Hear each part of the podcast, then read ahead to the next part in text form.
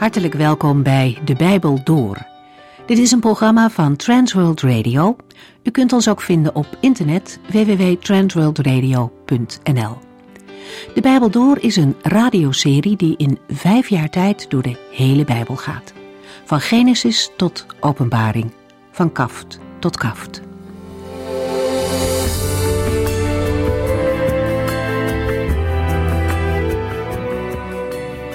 We lezen vandaag verder in Habakkuk. Deze profeet heeft geworsteld met alles wat er om hem heen gebeurde en de hand van God in dat alles. En ach, lieve mensen, in onze tijd is het nog steeds actueel als je om je heen kijkt in de wereld. Maar het valt op dat Habakkuk met al zijn vragen voortdurend naar God ging. Hij was niet iemand die zei: Als dat een God van liefde is, nou, dan hoeft het voor mij niet meer. Nee, hij was een gelovige die de Heere kende en daarom ging hij met al zijn waaroms naar de Heere toe. Niet één keer, maar telkens weer. Habakkuk begreep God niet altijd. Maar in het besef dat God groter en wijzer is dan een mens, liet hij hem niet los. Hoofdstuk 1 begint met een vraag van de profeet waarom de Heere niets doet aan de goddeloze levensstijl van het volk. Goddelozen heersen over de rechtvaardigen en het lijkt alsof de Heere stil blijft. Waarom doet hij niets? Dan krijgt Habakkuk een verrassend antwoord. De Heere zal de Galdeeën sturen en zo de onrechtvaardigheden van zijn volk oordelen. De beschrijving van de komst van dit volk is angstaanjagend. Kenmerkend voor dit volk is ook hun eigen dunk. Zij zijn de machtigste, de sterkste en ze denken dat zij alle goden hebben overwonnen. En wie zou hen nou nog wat kunnen doen? Ze houden geen enkele rekening met God. Habakkuk gaat in gebed als hij het antwoord van de Heere heeft vernomen. En wat is het mooi om te zien dat ook als de profeet Gods handelen niet begrijpt, hij de Heere toch wel vertrouwt. Daar begint hij mee. Zou u met dit alles het plan hebben ons weg te vagen? Natuurlijk niet. Habakkuk weet dat zij niet zullen sterven, maar leven en de grote daden van de Heere vertellen. De profeet worstelt wel opnieuw met de waarom-vragen. Hij begrijpt dat de Heer te heilig is om aan de zonde van zijn volk voorbij te kunnen gaan. Maar hoe is het toch mogelijk dat de Heer een volk gebruikt dat nog veel goddelozer is dan zijn eigen volk? Hoe kan de Heer zwijgend toezien terwijl dit gebeurt? Juist omdat Habakkuk de Heer kent, stelt hij zijn vragen. Habakuk omschrijft Babel als een visser die zijn netten uitzet en mensen als vissen vangt en doodt. De visser heeft er plezier in en is trots op zijn vangst, want het gaat hem nu voor de wind. Maar moet dat altijd nu maar doorgaan? Was dat Gods bedoeling toen hij mensen maakte? Dat kan toch niet? Met die vraag eindigt Habakuk 1 en wordt de profeet stil om te wachten tot de Heere gaat spreken.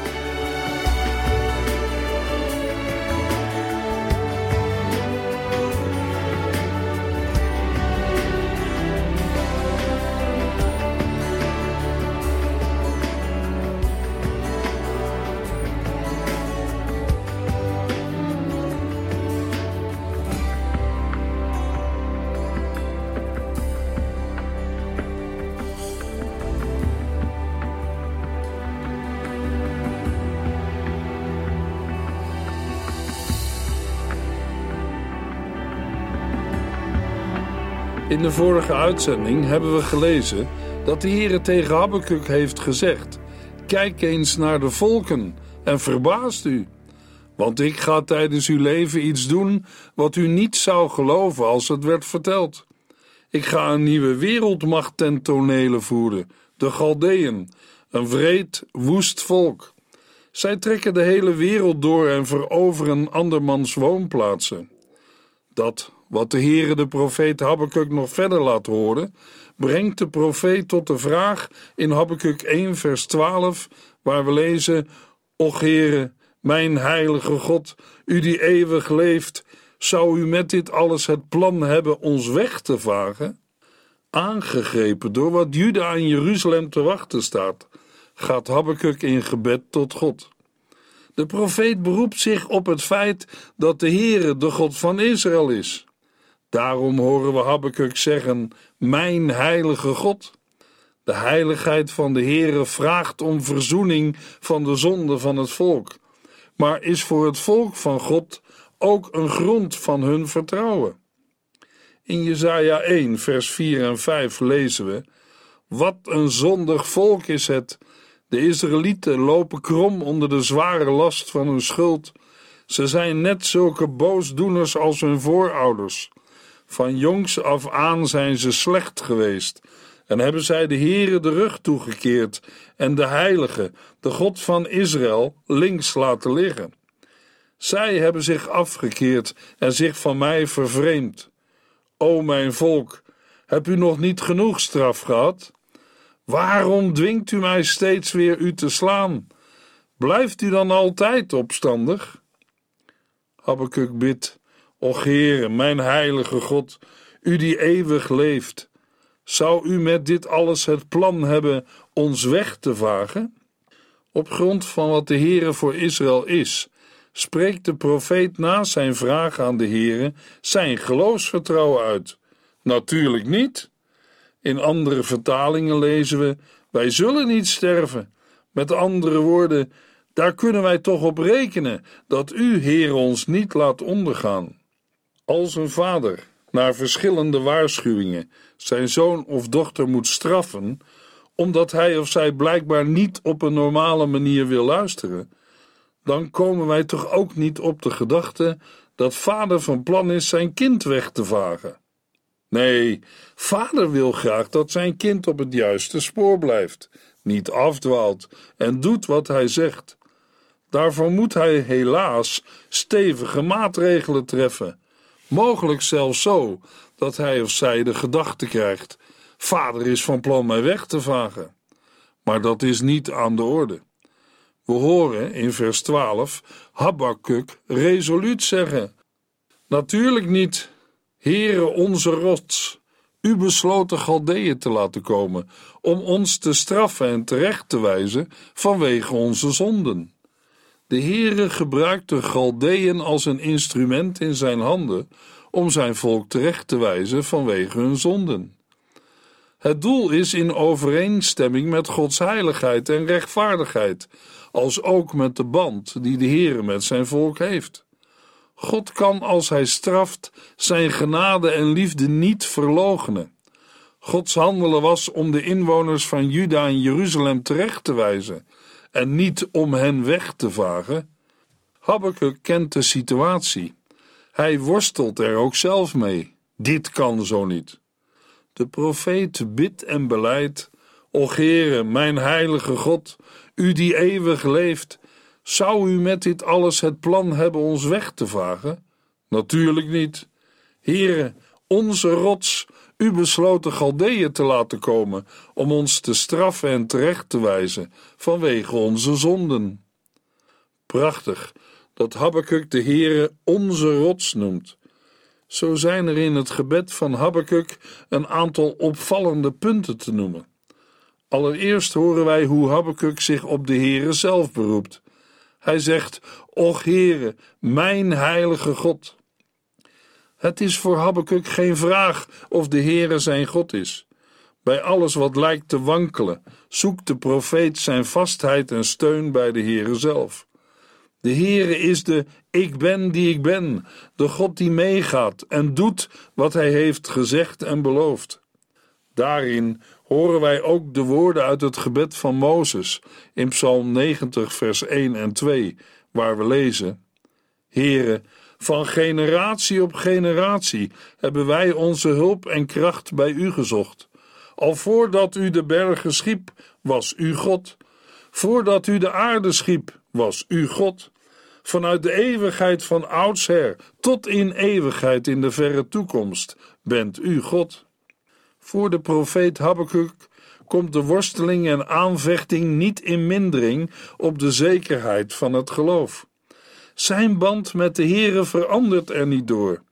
Het klinkt ook door in de andere naam die de profeet voor de Heere gebruikt, namelijk onze rots. Ook een woord dat teruggaat op een woord van Mozes. In Deuteronomium 32 lezen we het lied van Mozes. In vers 4 zingt Mozes over de Heere: Hij is de rots, zijn daden zijn volmaakt. Alles wat hij doet is rechtvaardig en goed. Hij is God, een God die trouw is, zonder bedrog. Hij is de rechtvaardige. Habakkuk is zich ervan bewust dat de Heere de heilige van Israël is. Het betekent klip en klaar dat God met niets en niemand te vergelijken is. Plechtig uitgedrukt, hij is de gans andere. De Heer is met niets en niemand te vergelijken. De profeet Jezaja stelt in Jezaja 40 de vraag: waarmee kunnen wij hem, de Heere, vergelijken? We lezen in Jesaja 40, vers 18 tot en met 31. Hoe kunnen wij God beschrijven? Waarmee kunnen wij hem vergelijken? Met een afgodsbeeld?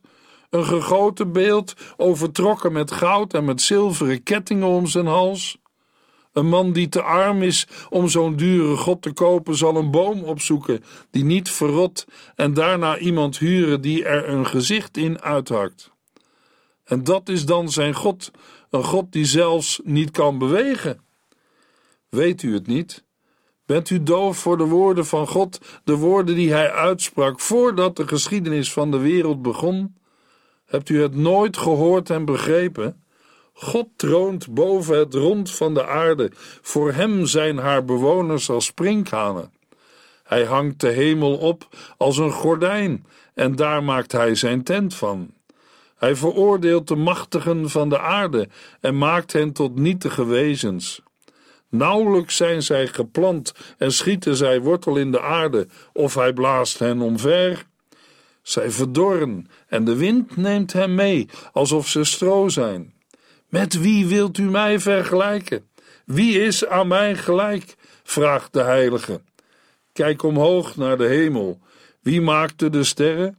Als een herder die zijn schapen leidt, ze bij hun namen roept en telt om te zien of er niet één verdwaald is. Zo gaat God om met de sterren en planeten. Waarom zegt u dan, Jacob, en overlegt u, Israël? De Heere let niet op mij en komt niet op voor mijn recht. Begrijpt u het dan nog niet? Weet u nu nog niet dat de eeuwige God, de schepper van de verste uithoeken van de aarde, nooit moe of lusteloos wordt? Niemand kan de diepte van zijn begrip peilen. Machteloze en vermoeide maakt hij sterk. De zwakken geeft hij kracht. Jeugdigen zullen uitgeput raken en de jonge mannen zullen het opgeven. Maar zij, die hun hoop op de Heere hebben gevestigd, zullen hun krachten weer terugkrijgen. Zij stijgen op met vleugels als van arenden. Zij zullen voortsnellen, maar niet moe worden. Zij zullen wandelen zonder uitgeput te raken. Wij mensen moeten de Heere niet met onze menselijke maatstaven proberen na te rekenen, want dan slaan wij de plank altijd mis. Habakkuk durft veel te zeggen en te vragen, maar hij verliest de verhoudingen niet uit het oog. Zo worstelt een gelovig mens met God. Die God die door de genade van de Heer Jezus Christus zijn God is geworden. Die God kan een gelovige ook niet missen. Zelfs niet als er situaties komen waarin hij of zij het handelen van de Heer niet kan begrijpen. Dit laatste was Habakkuk's probleem. Waarom zou de Heere, de Galdeeën, die nog slechter waren dan het volk van Juda, uitkiezen om zijn volk te straffen? In de vorige uitzending verwezen we al naar Jesaja 10 vers 5, waar de Assyriërs de zweep van Gods toorn worden genoemd, om het noordelijke koninkrijk Israël te straffen. Maar daarna oordeelde de Heere Assyrië om hun eigen zonde. Hetzelfde lezen we nu bij Habakkuk met betrekking tot de Galdeeën. De Heere zal een wreed en woest volk, de Galdeeën, gebruiken om zijn volk te straffen. Maar als de Heere daarmee klaar is, zal hij de Galdeeën oordelen. Want, lezen we in Habakkuk 1 vers 11b, hun schuld is groot, want zij maken van hun kracht hun God. Habakkuk 1 vers 13 U, die te reine ogen hebt om kwaad en onrecht te kunnen aanzien, hoe kunt u die verraders toelaten?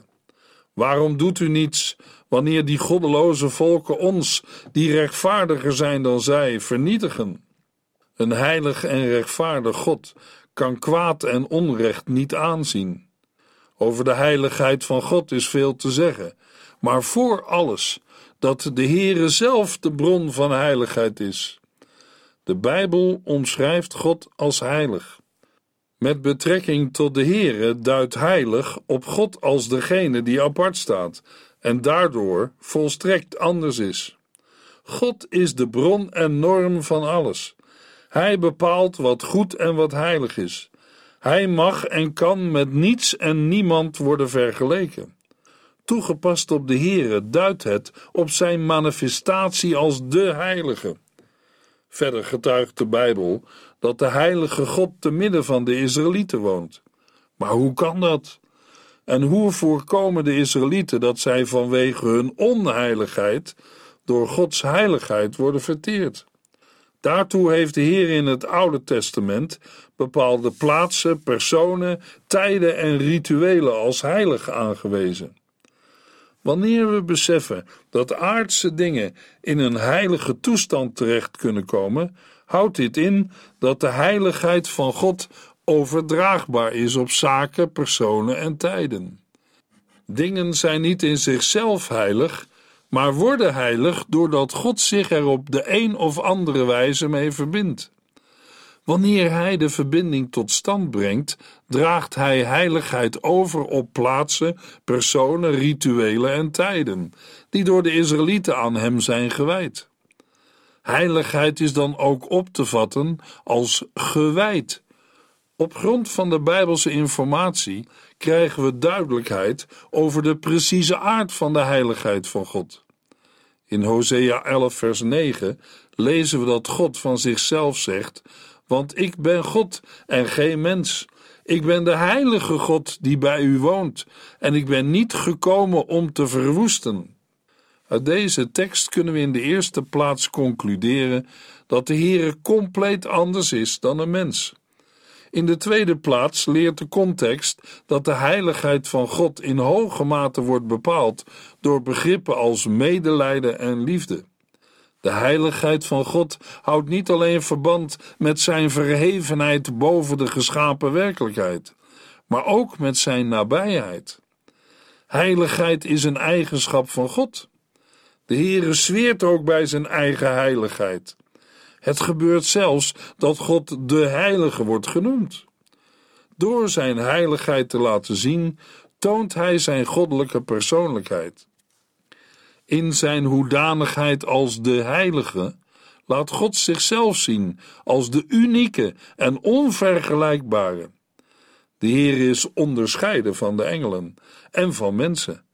Deze onvergelijkbaarheid van God is mede verbonden met zijn heerschappij over alle dingen. Want God staat boven iedere andere macht in hemel en op aarde. Via zijn verbondskinderen wil hij aan de hele aarde zijn zegen schenken. In het Nieuwe Testament komt de uitdrukking heilig in relatie tot God betrekkelijk weinig voor. Treffend is vooral de beschrijving van God op de troon, waar hij tot driemaal toe heilig wordt genoemd. De overeenkomst tussen de tekst uit de Openbaring en die bij de profeet Jesaja is onmiskenbaar.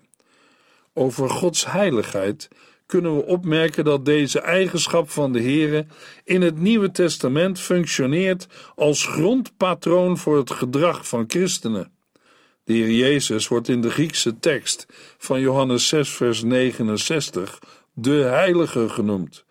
En boze geesten erkennen hem als zodanig. Karakteristiek voor het Nieuwe Testament is het onderwijs van en over de Heilige Geest, die in de gemeente woont en werkt. Daarnaast worden de gelovigen heiligen genoemd. Al met al kunnen we stellen dat in het Nieuwe Testament God Christus, de Heilige Geest en de gelovigen worden bezien als personen waarin heiligheid aanwezig is, ook al zijn er verder veel verschillen te noemen. Het lichaam geldt als een tempel van de Heilige Geest, maar een uitgebreid systeem van gradaties in heiligheid ontbreekt in het Nieuwe Testament. Waarschijnlijk valt dat te verklaren uit de inwoning van de Heilige Geest in de gelovigen, waardoor het lichaam van een gelovige tot een tempel van de Heilige Geest wordt. De gelovigen mogen allen, zonder bemiddeling, naderen tot de Heer. Het heilige openbaart zich niet zozeer in voorwerpen, plaatsen en rituelen, als wel in de levensuitingen door de Heilige Geest. Een gelovige wordt geroepen tot heiligheid. Conclusie: Het Nieuwe Testament gebiedt gelovigen heiliging na te streven. Dit mogen ze doen op grond van Christus, die hen geheiligd heeft, en door het werk van de Heilige Geest, die de gelovigen in het heiligingsproces ondersteunt. We zien hierbij een uitwerking van het Oude Testament, waar de Israëlieten door de verbondsluiting tot een heilig volk zijn gemaakt. Deze verkiezing is ook voor hen de basis om met Gods hulp verdere heiliging na te streven. De profeet Habakuk worstelt met Gods heiligheid en zegt in vers 13: U die te reine ogen hebt om kwaad en onrecht te kunnen aanzien, hoe kunt u die verraders toelaten? Waarom doet u niets wanneer die goddeloze volken ons, die rechtvaardiger zijn dan zij, vernietigen? Habakkuk kan het niet rijmen. Zo'n heilige God, die zo'n onheilig instrument gebruikt. Als zijn ogen het kwade al niet kunnen verdragen, hoe kan hij het dan in zijn hand nemen en hanteren als een instrument tot het bereiken van zijn doel? Daar komt nog bij dat de Galdeën die Habakkuk uit Babel ziet komen, nog goddelozer en onrechtvaardiger zijn dan de inwoners van Jeruzalem. Moeten zij dienen als instrument om Gods oordeel aan de goddelozen in Jeruzalem te voltrekken? Hoe kan de Heere zwijgend toezien terwijl dit gebeurt? Juist omdat Habakkuk de Heere kent, stelt hij deze vragen. In vers 14 tot en met 17 vat Habakkuk zijn nood nog eens in een beeld samen. Hij ziet Babel als een visser die zijn hengel uitwerpt en zijn netten uitzet en de mensen als vissen vangt en slacht. Wat een plezier heeft die visser en wat is hij trots op zijn materiaal en wat gaat het hem voor de wind. Moet dat nu altijd maar doorgaan? Is dat Gods bedoeling? Habakkuk 1 vers 14 tot en met 17 Waarom behandelt u de mensen als vissen die gevangen en gedood worden? als kruipende dieren die geen leider hebben om hen te verdedigen tegen de vijand. Moeten wij aan hun haken worden opgevist of uit hun netten worden gehaald terwijl zij juichen over hun vangst? Dan brengen zij offers aan hun netten en branden er wierook voor. Dit zijn de goden waaraan wij onze vette buit en overvloedige maaltijd te danken hebben, zeggen zij. Mogen zij maar altijd zo doorgaan mogen zij voortdurend andere volken meedogenloos blijven vernietigen. In het laatste gedeelte van Habakkuk 1 lezen hoe Habakkuk heeft gereageerd op Gods antwoord op zijn eerste vragen. De Heer had beloofd dat hij de Galdeeën zou verwekken om de goddelozen in Jeruzalem te straffen. Maar dat antwoord had bij Habakkuk alleen maar nieuwe waaroms opgeroepen. Habakkuk begrijpt niet waarom God zo zou handelen en hoe de Heere zoveel ongerechtigheid kan toelaten. Habakkuk heeft voor de tweede keer zijn vragen bij de Heere neergelegd en nu is het stil geworden. Habakkuk 2 vers 1 Ik zal mijn wachttoren beklimmen of op de wallen gaan staan, want ik wil uitzien naar Gods antwoord op mijn klacht. Habakkuk zal de wachttoren beklimmen een versterking, een bolwerk op de muur van Jeruzalem, waar de profeet in eenzaamheid, ver van het rumoer van de stad, wil uitzien naar Gods antwoord op zijn klacht. Het is de richting van waaruit de vijanden naar de stad zullen komen. Maar Habakkuk ziet uit naar de Heere. In een andere vertaling lezen we: ik wil mij op mijn wachttoren stellen en op de uitkijk gaan staan. Ik zal speurend uitzien wat de Heere in mij spreekt en wat Hij antwoordt op mijn klacht. als ergens blijkt dat de vragen van de profeet uiting zijn van een diepe geloofsworsteling, van een gelovige die zijn God niet begrijpt, terwijl Habakkuk de Heere toch niet missen kan, dan wordt het zichtbaar in het eerste vers van hoofdstuk 2. Een oprecht geloof blijft niet in eigen vragen steken, maar gaat met die vragen naar de Heere. En dan komt er een moment dat het stil wordt. Dan wacht je als bidder op een antwoord van de Heere. In Psalm 130, vers 6 zegt de dichter: Ik zie uit naar de Heere. Ik zie naar hem uit met nog meer verlangen dan de nachtwachter uitkijkt naar de nieuwe morgen. En waar wacht Habakkuk op? De profeet zegt: Want ik wil uitzien naar Gods antwoord op mijn klacht. Of vanuit de andere vertaling: Wat de Heere in mij spreekt en wat hij antwoordt op mijn klacht. Habakkuk 2, vers 2. Toen antwoordde de Heere mij: Schrijf het visioen op.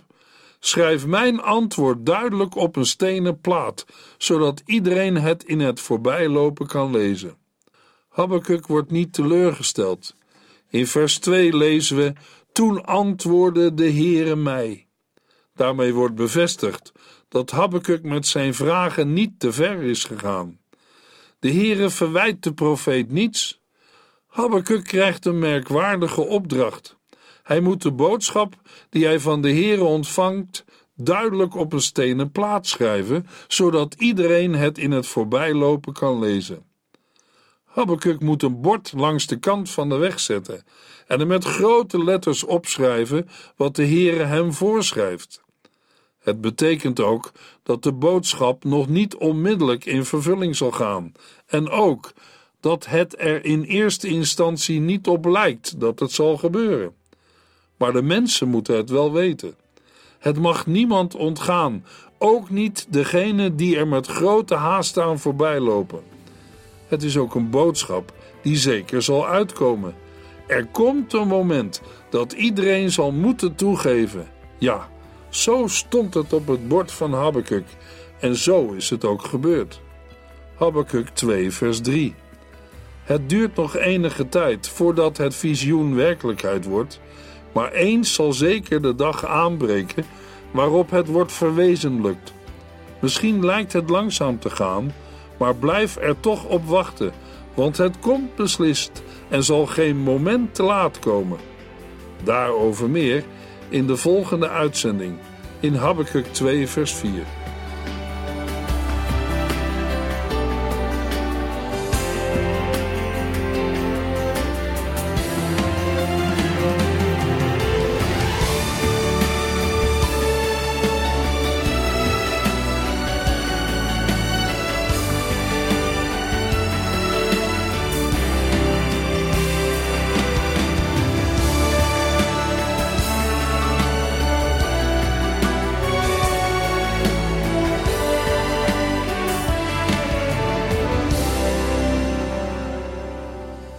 Eindigt deze aflevering van De Bijbel Door.